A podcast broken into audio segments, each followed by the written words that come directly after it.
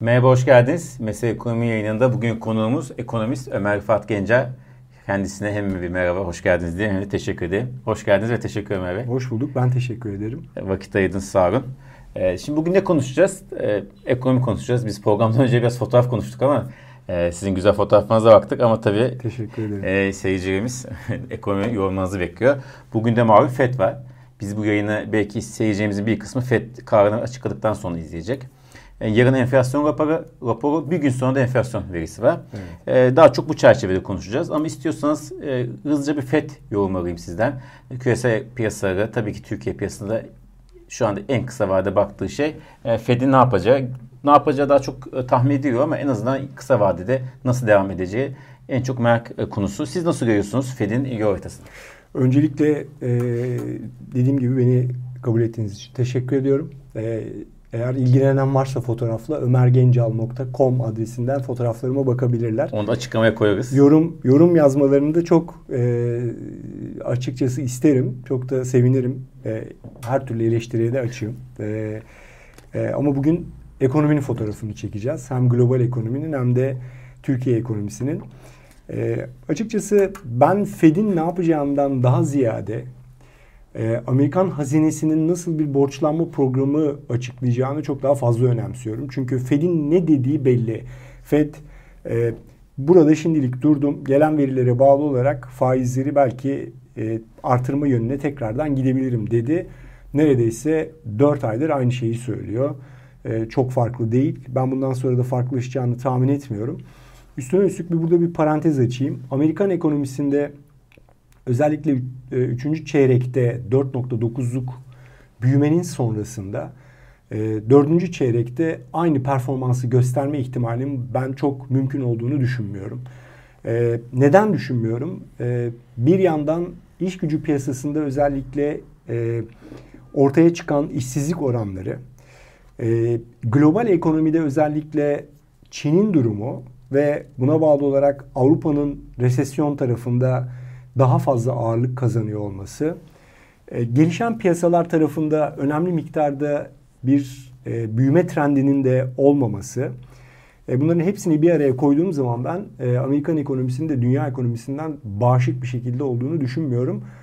Fed eğer para basıp piyasaya saçmıyorsa ki tam tersi bilançoda küçülüyor ve üstüne üstlük geldiğimiz noktada bir kısa vadeli faiz oranları 5.25-5.5 aralığında e, bir taraftan da Fed'in aslında bana yardımcı oluyor dediği uzun vadeli faizler de 10 yıllık faizler de 5'in üstüne attı. Daha sonra tekrardan 4.86, 4.85'lere kadar gitti. Oralarda şu anda önemli bir oynaklıkta geçiriyor. E, bir yandan e, ipoteğe dayalı mortgage faizlerinin 8'lerin üstüne atmış olması ee, diğer tarafta mortgage e, başvurularının negatife geçmiş olması, artık o hızın yavaş yavaş e, aşağıya geliyor olması e, bence Fed'i e, hakikaten bekle gör politikasına biraz daha sürükleyecek diye tahmin ediyorum. Bir nokta daha var. Özellikle faizlerin bu gelmiş olduğu seviye dolayısıyla Amerika'daki bankacılık sektöründe bilanço anlamında sıkıntıların da baş gösterdiğini haberlerden alıyoruz. Mart ayında yaşamış olduğumuz bir e, durum vardı. İki tane bankanın evet. e, iflasıyla sonuçlandı. Bir tanesinin e, bir ya, yabancı bankaya devriyle evet. sonuçlandı. E, bu durum büyük bir olasılıkla diğer lokal bankalar tarafında özellikle faizlerin bu kadar hız, e, yüksek gidiyor olması ve uzun vadeli faizlerin çıkmış olması dolayısıyla e, mevcuttaki e, bilançolarında mark to market yaptıkları ve sermayelerinden yedikleri ve ek sermaye koymadıkları zaman bankacılık sektöründe bir miktar e, kısıtlayacak diye, kredi verme konusunda kısıtlayacak diye e, düşünebiliriz. E, bu seneyi verilmiş olan 2 trilyon dolarlık bütçe açığının fonlama tarafı e, Amerikan hazinesine önemli bir baskı yapıyor. Ee, özellikle Çin'in içinde bulunduğu mevcut durumda Yuan'ı korumak için yapmış olduğu tahvil satışı elde ettiği likiditeyle birlikte piyasalara müdahalesi. Bunun yanında Japonya'nın keza 150'nin üzerine çıkmış Japonya'nın dolayısıyla arka planda kısa vadeli faizlerini arttırmamak için doğrudan dolar satışıyla bu konuya müdahalesi için e, yine uzunca bir süredir Amerikan tahvilini satıyor olması e, talep tarafında maalesef kısıtlanmalara gidiyor. Yılbaşından beri de primary dealer dediğimiz doğrudan e, e, Amerikan hazinesine gidip buradan bono alan e, e, kişilerin daha doğrusu kurumların e, toplam içerisinde yüzde otuz gibi bir rakama gelmiş olması e, açıkçası resim içerisinde arz talep dengesizliğiyle birlikte faizlerin de yükselmesine, faizlerin uzun vadeli faizlerin baskı altında kalmasına sebep oluyor. Şimdi böyle bir resimde dünya ekonomisinin özellikle gelişen piyasaların e, bir coşku içerisinde olma ihtimali bana göre yok. Kısa süre coşkular dışında. Kısa süreler, kısa süreli coşkular dışında o kısa süreli coşkularda da e, birileri vurkaç yapmaya çalışabilir. Hani vur vurabilirsen, kaç kaçabilirsen. Ama riski ayarlanmış getiri anlamında baktığınız zaman e, yani bunun çok yüklü miktarlarda olmayacağını, çok yüklü fon miktarlarının e, gelişen piyasalara girmeyeceğini en azından söyleyebiliriz bu noktada. Peki ne zaman kadar? Yani şunu da söyleyeyim şimdi Bekkegöy dediniz FED, Bekkegöy yapacak dediniz. Ee, işte 2024'ün ilk yarısı sonlarında, ikinci yarısında belki faizle indirebileceğini tahmin eden var, öngören var. 2024'te böyle bir şey olmayacağını daha kötümser bir senaryo gören var. Tabii piyasadan tek baktığı Fed'in faiz indirmesi değil belki coşku için ama en azından hem Fed'in faiz ne zaman indireceğini hem de ne kadar bu, e, bu e, coşkulu bir e, piyasada bir coşku görmemiz için ne kadar beklememiz gerektiğini soruyor. Fed'in baktığı en önemli göstergelerden bir tanesi kişisel harcamalar endeksi. Özellikle çekirdek kişisel harcamalar endeksi. E, çekirdek kişisel harcamalar endeksi %4.1'ler civarında e, yanlış hatırlamıyorsam. E, bu rakamın %2'lere doğru gelmeye başladığı yerde muhtemelen Fed biraz daha rahatlayacak ve önümüzdeki süreçte faiz indirimini gerçekleştirecek ama çok hızlı yaptığı faiz artırımlarını eğer ekonomi tarafında ciddi bir soğuma görülüyor ise ki buna istihdam koşulları da dahil. Özellikle ücret artışları, e, işsizlik rakamları. Çünkü Fed'in baktığı noktada e, işsizlik rakamının hani bizim hani, e, daha doğrusu Taylor kuralına bağlı olarak e, söylenen enflasyonu ivmelendirmeyen işsizlik oranı, NAIRU dediğimiz şey, Non-Accelerated Rate of e, Unemployment diye bir e, şeyi vardır onun. E, açılımı Açılım. vardır. E, bu rakamın yüzde dört buçuklar civarına geldiği noktada ben Fed'in biraz daha içinin rahatlayacağını e, aynı zamanda reel ücret artışlarının e, enflasyonla yakınsamaya başladığı yerde Fed'in bu konuyla ilgili yine mesajlarını faiz tarafında olumlu olarak vermeye başlayacağını, düşüş yönünde vermeye başlayacağını tahmin ediyorum. E, ama bunun en kilit noktası kişisel harcamalar tamam. endeksi. Amerika'dan Türkiye'ye geçelim. Siz de biraz bağladınız zaten. Şimdi enflasyon raporu açıklanacak. E, şimdi İstanbul enflasyonu açıklandı. Onu da biraz sonra soracağım. Enflasyon tahminine yönelik. Ne, ne bekliyorsunuz enflasyon raporuna? Kimi %33'lük hedefin yukarı çekeceğini, işte o da politika faizini tabii e, yönlendirecek. Kimi de çekemeyeceğini, çekilmesi kötü mesaj olacağını söylüyor. Yani sonuçta bu bir hedefti. Bunu böyle yukarı çekerseniz enflasyon beklentisini oluşturursunuz diyor. Siz hangi taraftasınız? Gerçekçi bir şey mi yoksa hedef olarak mı kalmalı? Ben Türk atasözlerine bayılıyorum. Yukarı tükürsen bıyık, aşağı tükürsen sakal diye. Ee, yani e, sevgili Atilla Yeşilada'ya buradan e, sevgilerimizi de iletelim. Onun son yapmış olduğu programda Mehmet Şimşek'e acıyorum demiş. E, ben de Merkez Bankası başkan ve başkan yardımcıları konusunda hakikaten e, durumun ne kadar e, zor olduğunu söyleyeyim. Çünkü e, benim gördüğüm, benim okuduğum şu var. 1990 yılıyla 2001 yılları arasında Türkiye kronik bir enflasyon yaşıyordu biliyorsunuz. Evet. Ee, o dönemde e, ne kadar enflasyon o kadar devalüasyon gibi bir politika gidiyordu. Yani sürünen kur sistemindeydik biz. Hatta e, 1999 yılında e, dedik ki enflasyonu düşürmek için yani bu enflasyon belasından kurtulmak için enflasyonun üzerimize yapışmasını en azından önleyebilmek için bir şey yapalım. Ne yapalım? Currency Board kuralım. Yani para kurulu. Ve diyelim ki Merkez Bankası olarak biz önümüzdeki dönemde Türk lirasını %22 devalü edeceğiz. Enflasyon da %22 olacak, %20 olacak. E, belli bir yere kadar geldi. E, fakat bankacılık sektöründeki özellikle kriz, özellikle bütçe açıklarının e, çok ciddi artıyor olması, e, kurun değerlenmesi dolayısıyla cari açığın gayri safi milli hasılanın %5'ine doğru ulaşıyor olması maalesef o para kurulunu bir anda ortadan kaldırdı. Merkez Bankası rezervleri o gün eksi olmamasına rağmen bankacılık sektörünün açtığı short pozisyonu kapatma sahikiyle birlikte faizlerin nereye çıktığının çok önemli olmadığı bir noktada patladı. 2001 senesinde maalesef biz e, geride 49 tane yanlış hatırlamıyorsam batık banka onun yanında e, çok önemli miktarda Merkez Bankası'nın e, rezervini kaybetmemesi için büyük bir devalüasyon. O devalüasyonun sonrasında da önemli miktarda bir krizle karşı karşıya kaldık. Şimdi bugüne gelelim.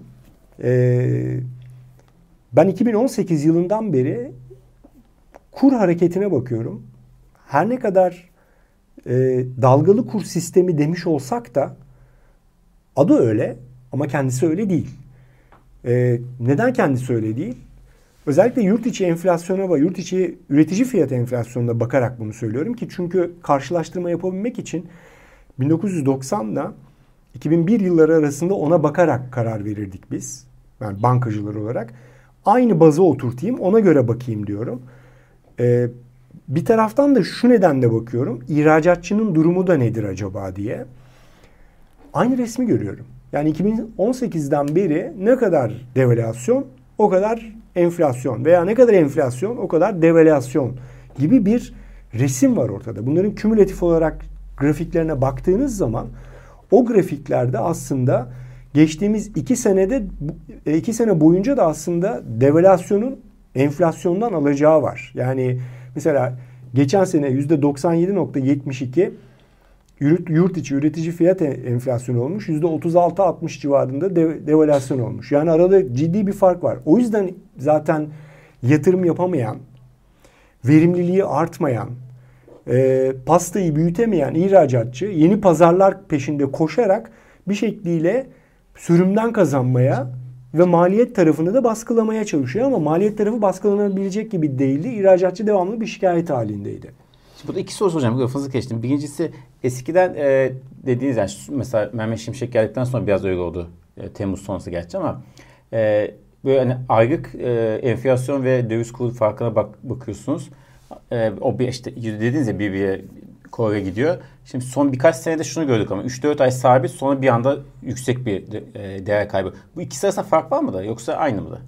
Ee, yani eski sistemde değildi. Çünkü eski sistemde hemen hemen her gün devalüasyon evet, olurdu. Bugün de biraz öyle esasında. Bugün öyle işte. Yani evet. artık ben o yüzden şüpheleniyorum. Hatta son iki aydır öyle.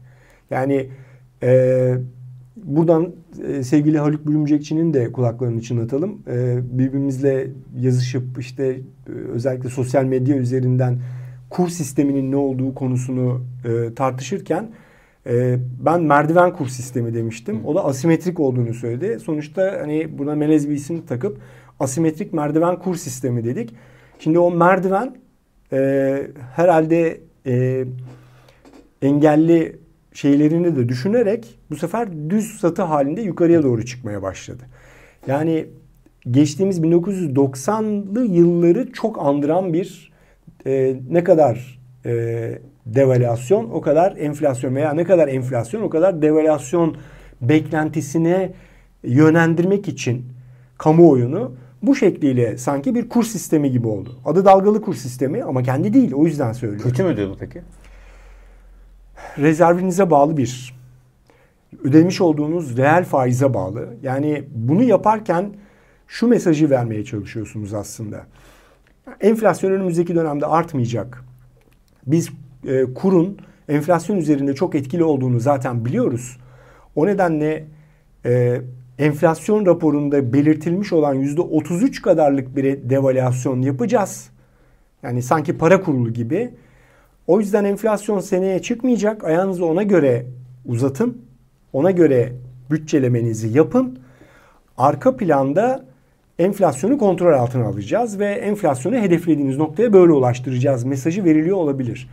Ama bu e, yeter şartı ortaya koymuyor. Yani e, yeter şartta arka planda olması gereken bir şey var. Bir, global anlamda rüzgar arkanızdan esecek. Kafanızdan esmeyecek. E, borçlanma konusunda ciddi kıs şeyleriniz olmayacak. Çünkü short pozisyonun çok bir kısmı yani açık pozisyonun çok büyük bir kısmı kamuda. 300 milyara yakın bir kamunun e, şu anda e, short pozisyonu var. Kısa pozisyonu var dövizde. E, aynı zamanda şeyin de var. Özel sektörün de var. Reel sektörün de var. E, burada long pozisyonu olan tamamen hane halkı önemli miktarda e, bir döviz taşıyor. KKM'ler dahil olmak üzere ki KKM biliyorsunuz e, Merkez Bankası'nın evet. shortuna e, denk gelen e, 300 milyar 316 milyar dolar civarında e, ciddi bir rakam var hane halkında. Ar, artı kurumlarda ama kurumların da short pozisyonunu hesaba katmak lazım. Borçları evet. da var. İkinci nokta Merkez Bankası'nın rezervi yok. Üstüne üstlük eksi. Yani bir borçlanabiliyor ve bu short pozisyonu fonlayabiliyor olmanız lazım. Bir kredibilite riski olmaması lazım. Kredibilite riskinin olduğu anda bunu kapatacak olan ne olabilir? Bir, hani bizim o sudden stop dediğimiz. Evet, o yüzden aynen. diyorum ya yurt dışındaki global konjonktürdeki rüzgarlar kafadan esmemesi lazım. Ee, o kredibiliteyi sağlayabilecek arka planda makro uygulamaların, makroekonomik e, politikaların sürdürülüyor olması lazım. Önem, önemli şeylerden bir tanesi cari açık çok fazla vermiyor olmamız lazım. Ben OVP'ye bakıyorum büyüme rakamları önümüzdeki sene de yine e, cari açık vermeye gidiyor. Zayıf değil. O, o nedenle cari açığı biz nasıl fonlayacağız? E, Türk lirası varlıklara cazip bir hal getirmemiz lazım. E, Türk lirası varlıklara cazip bir durum getirebilmemiz için şu andaki vermiş olduğumuz faiz, reel yeterli. faiz yeterli mi? E, hemen parantez açayım onu da söyleyeyim. Ben bir fon yöneticisi olarak eğer Türk lirası cinsinden bir yatırım yapacak isem mevcutta yatırım yapılabilir statünün 5 basamak altındaki bir yerde gidip 5 yıllık 10 yıllık kağıt alarak bunu yapamam. Çünkü mevcut koşullarında fona alabileceğim ratingi karşılığında belirli yönergeler var, belirli kurallar var. Yapabileceğim şeylerden bir tanesi kısa vadeli bir pozisyona girmek. E peki şu anda para politikası kaç? 35. Beklediğimiz enflasyon kaç? 45. Piyasanın beklediği enflasyon 45. E arada hala 10 puanlık bir negatif reel faiz var. Peki dönelim Amerika'ya bakalım. Şu anda enflasyon kaç? Yüzde 3,4,3,2 yüzde 3,7 çekirdek olarak bakarsak headline inflation yani manşet enflasyonda yüzde dörtler civarında. E, kaç faiz veriyor? E, 5.25. E, ben 5.25 karşılığında dörde mi pozitife mi üstüne üstlük volatilitesi evet. son düşük son derece Çok düşük yüksek. bir yere mi giderim? Aynı şeyi Avrupa için düşünelim. 4 faiz var. Öbür tarafta enflasyon 2.9'a düştü. Manşet enflasyon. Çekirdek enflasyonları yine yukarıda belki. Ama hala pozitif faiz var. E, Türk lirasının cazibesi nerede burada diye bakıyorum ben. Türk lirasının cazibesi de yok. Üstüne üstlük enstrüman da yok. Enstrümandan kastım Piyasa. ben piyasaya direkt te, şey, doları satacağım. Sattığım doların karşılığında TL'yi alıp o TL'yi overnight'te değerlendireceğim. Sonra da diyeceğim ki aman devalüasyon olmayacak 33 %33'te kalacak. O %33'te kalırken ben sene sonuna doğru veya hangi bir herhangi bir zaman aralığında bu işten karlı çıkacağım ve pozisyonumu kapatacağım. E peki benim gibi 100 tane, 200 tane, 500 tane fon yöneticisi aynı anda bunu yapmaya çalışırsa o zaman bambaşka bir noktaya gideriz. O zaman niye para gelmiyor'nun cevabı da bu esasında. Yani tabii Çok dış doğru. politika ve siyasi bazı hani faktörler de vardı muhakkak ama ana sebebi yani ekonomik olarak da mantıklı değil henüz Türkiye'ye gelmek. E, çok doğru. Şimdi şöyle söyleyelim. Bugün e, iki yıllık Türkiye bonosunun, euro bondunun faizi kaç? Yüzde sekiz diyelim. Yani aslında yüzde dokuzlara yakın. Beş yıllıklar yüzde dokuz civarlarında alınıp satılıyor. Yani likiditesi çok yok maalesef. Yani onu da görüyorum. 2 yıllıkta %8'deyim. E peki e, enflasyonu kaç bekliyoruz? Veya onu söylemeyelim. Enflasyondan daha ziyade bugün gitsek bir yıllık bankalara sorsak. TL faizi ne verirsiniz diye. Onda da %40 aldığımızı düşünelim. Yani 1.40 bölü 1.08 kabaca hesaplayalım %32'nin birazcık altında. %30 civarında bir e, fark olacak. Yani senenin başından senenin sonuna kadar diyelim ki senenin başında kur 30 %30 da şey olacak yaklaşık arada fark evet. olacak. Yani 39 lira bir kurla karşılaşıp karşılaşmayacağımı biliyor muyum bilmiyor muyum? Yani bir sürü risk var.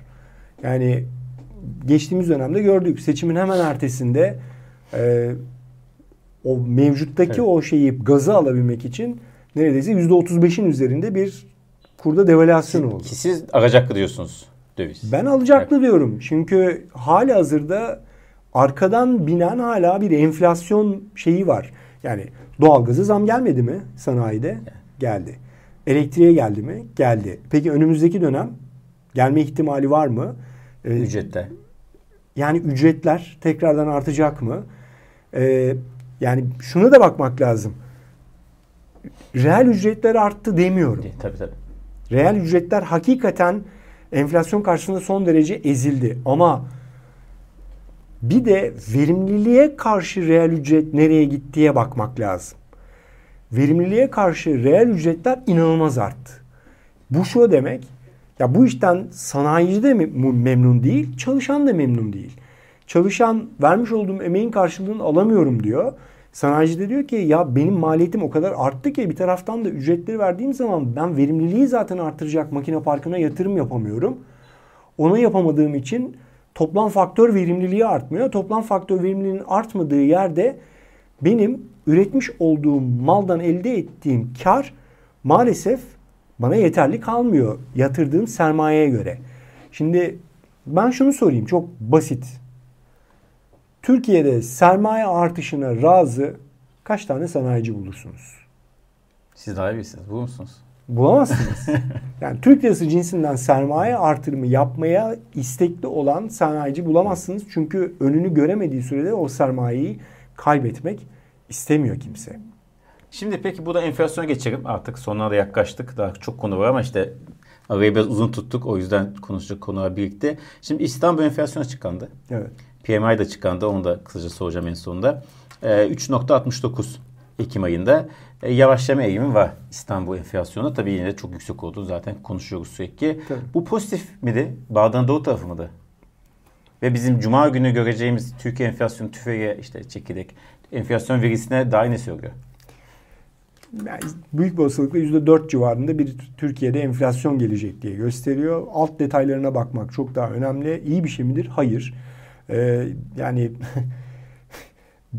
enflasyon belasından kurtulmak için çabalayan bir sürü ülkenin bir yıllık enflasyonunu bir ayda e, yaşıyor olmak açıkçası bana çok büyük üzüntü veriyor.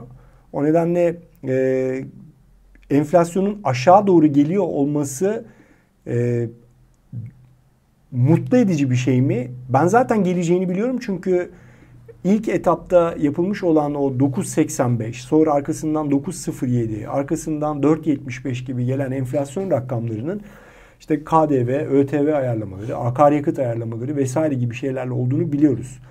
Yani bu 3.69 enflasyonun arka planındaki e, ayrıntılar ne? Veya gelecek olan enflasyonun arka planındaki ayrıntılar ne? Onlara bakmamız lazım. Benim dikkat ettiğim e, çok önemli bir şey var.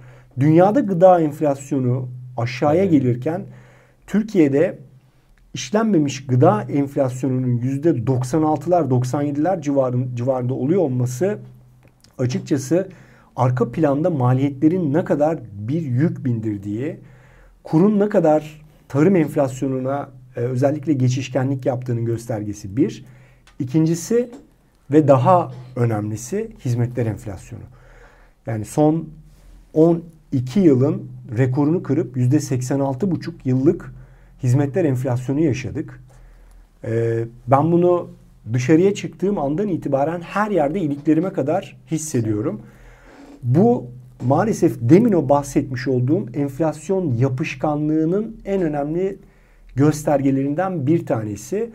Bilinmez olan şey de satabildiği her türlü yerde fiyat gücü olan, fiyatlama gücü olanların e, o sermayeyi kaybetmemek için yapmış oldukları fiyat artışlarıyla birlikte kısır döngü içerisine girdiğimizi gösteriyor. Bu 3.69 veya beklenen enflasyonun o %4'ler civarında olmasının en önemli sebeplerinden bir tanesi de o olduğunu tahmin ediyorum ben.